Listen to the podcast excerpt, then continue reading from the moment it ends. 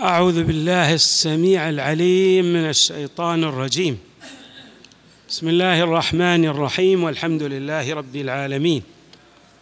والصلاة والسلام على أشرف الخلق سيدنا ونبينا محمد وآله أجمعين الطيبين الطاهرين.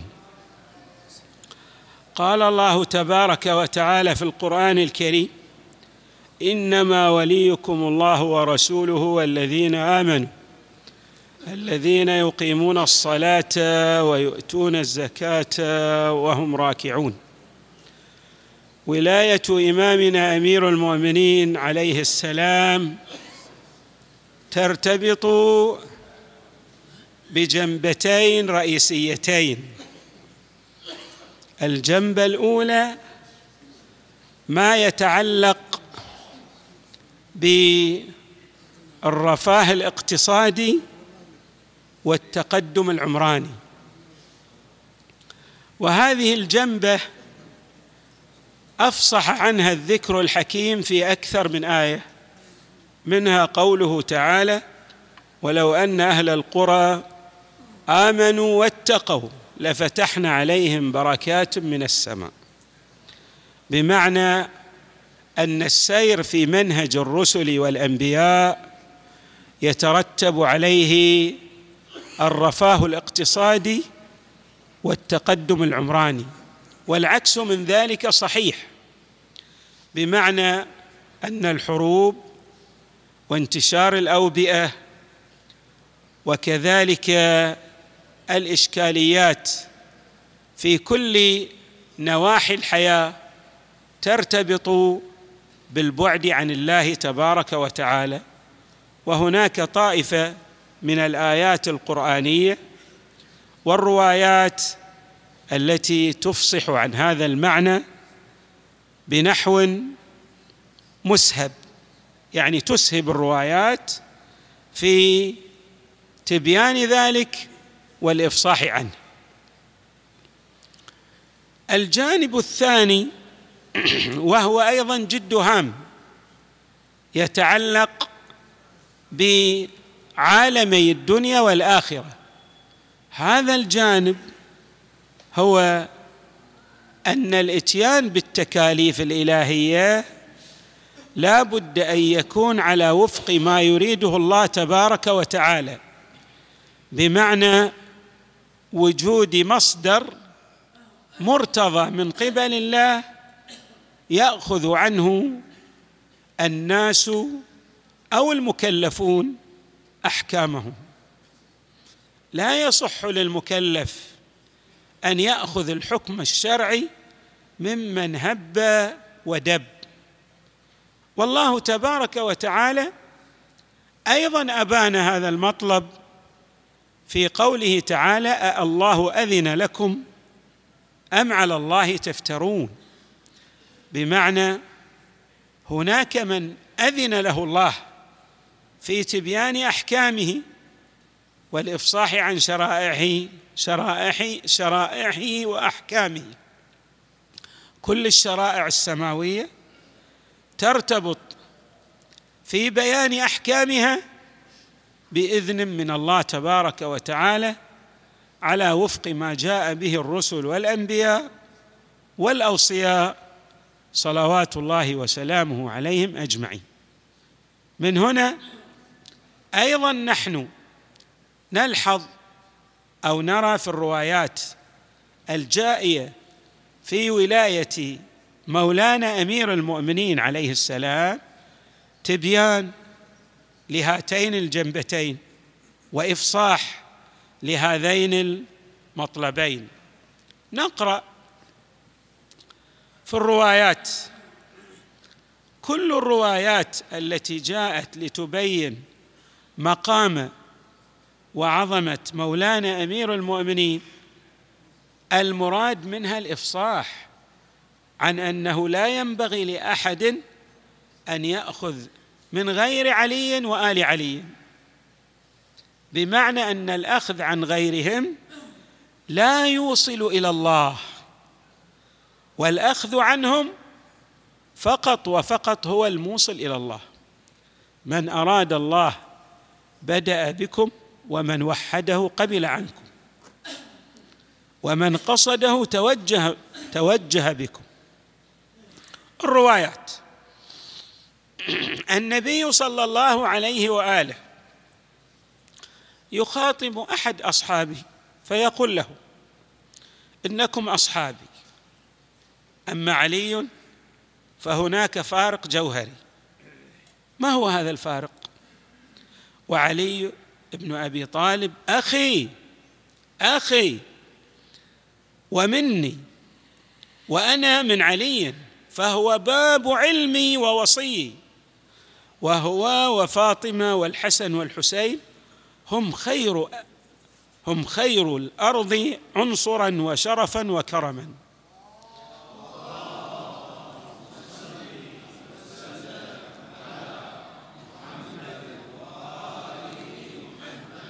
والنبي يريد أن يفصح عن معنى دقيق. ألا وهو عدم المقارنة بين آل محمد صلوات الله وسلامه عليهم أجمعين وبين غيرهم لوجود فوارق جوهرية وأساسية توافرت فيهم وتجردت عن غيرهم. أيضا النبي صلى الله عليه وآله يخاطب أحد أصحابه ويروي عنه هذا الصحابي فيقول علي يعلم الناس بعدي من تأويل القرآن ما لا يعلمون.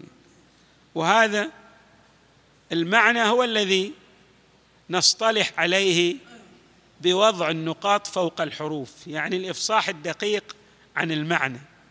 الناس سيختلفون.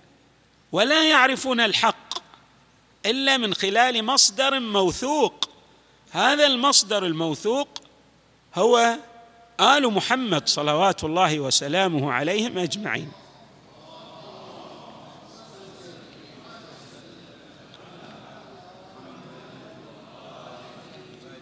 ويقول صلى الله عليه وآله إن الله جعل عليا وزوجته وأبناءه حجج الله على خلقه وهم أبواب العلم في أمتي.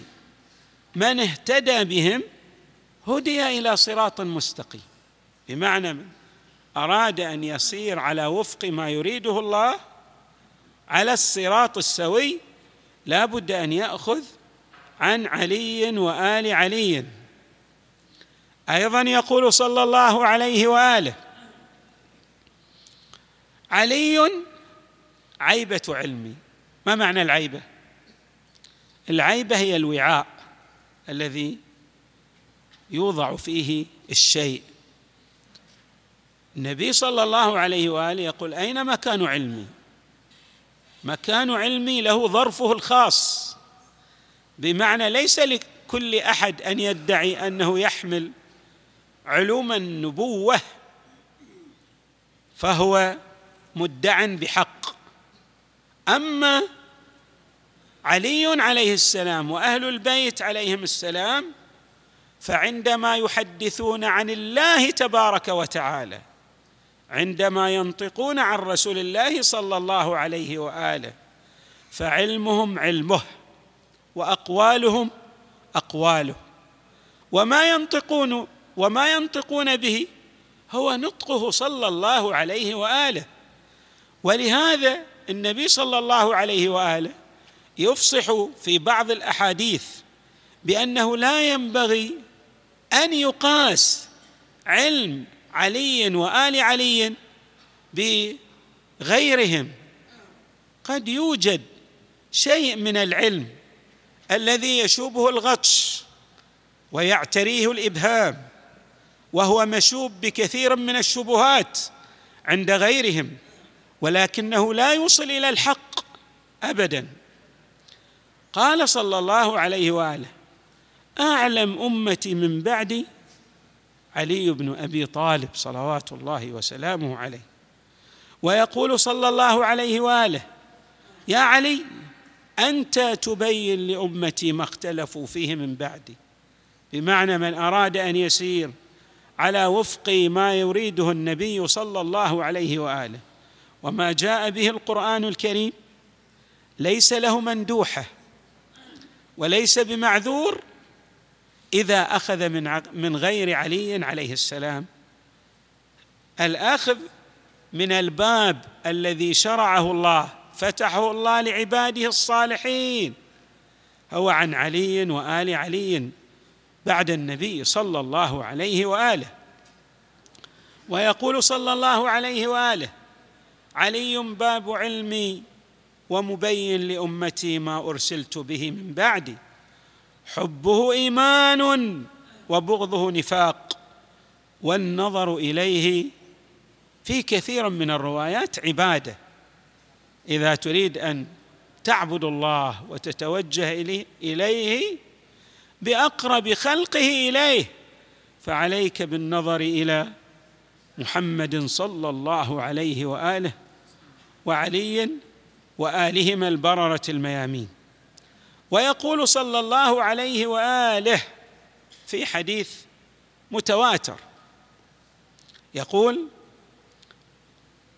يا علي أنا مدينة العلم وأنت بابها. طيب هذا واضح. النبي مدينة العلم وعلي هو الباب كما يقول الأزري وهو الباب من أتاه أتاها. أنا مدينة العلم وأنت بابها. ثم يردف صلى الله عليه وآله أيضا ليضع الأمور في نصابها السليم. كذب من زعم أنه يدخل المدينة من غير الباب بغير الباب. لا يمكن أن تلج أن تصل إلى الحق من طريق غير الطريق الذي رسمه الله لعباده الصالحين. من طريق غير الطريق الذي أكد عليه المصطفى صلى الله عليه وآله وهو طريق علي وآل علي صلوات الله وسلامه عليهم أجمعين. كذب من زعم أنه يدخل المدينة بغير الباب. قال ثم يستشهد صلى الله عليه وآله بهذه الآية المباركة وأتوا البيوت من أبوابها بمعنى أن من دار حار ولا يمكن أن يصل إلى الصواب.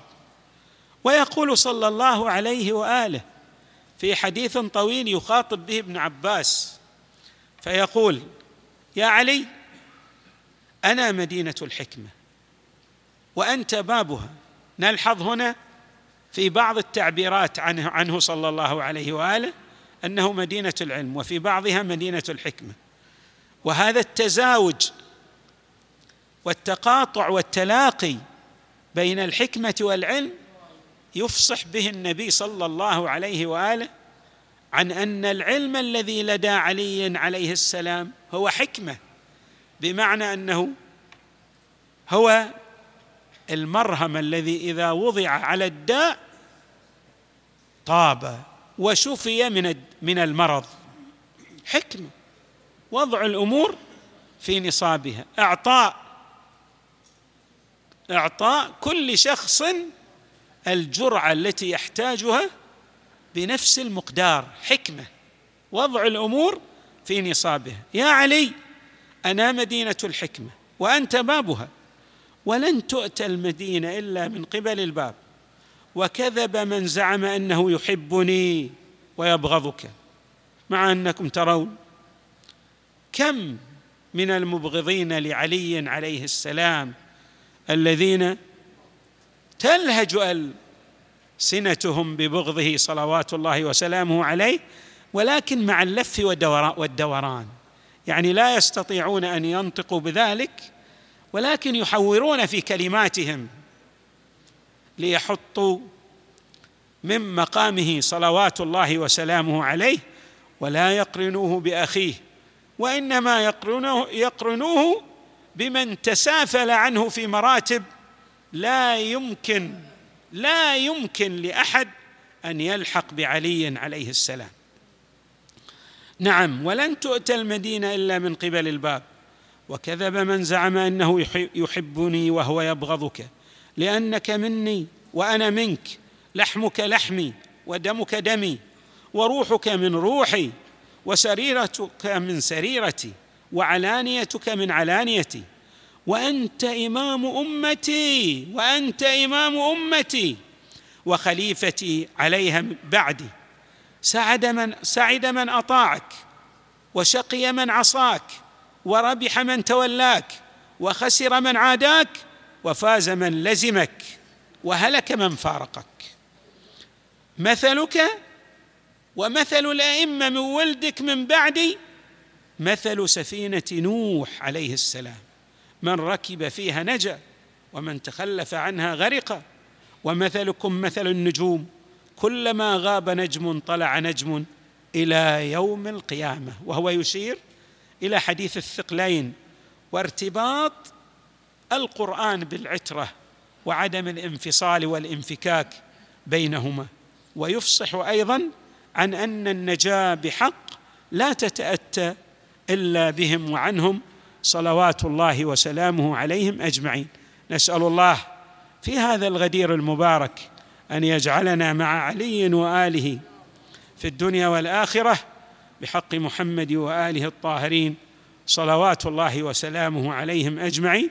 والحمد لله رب العالمين وصلى الله وسلم وزاد وبارك على سيدنا ونبينا محمد وآله أجمعين الطيبين الطاهرين.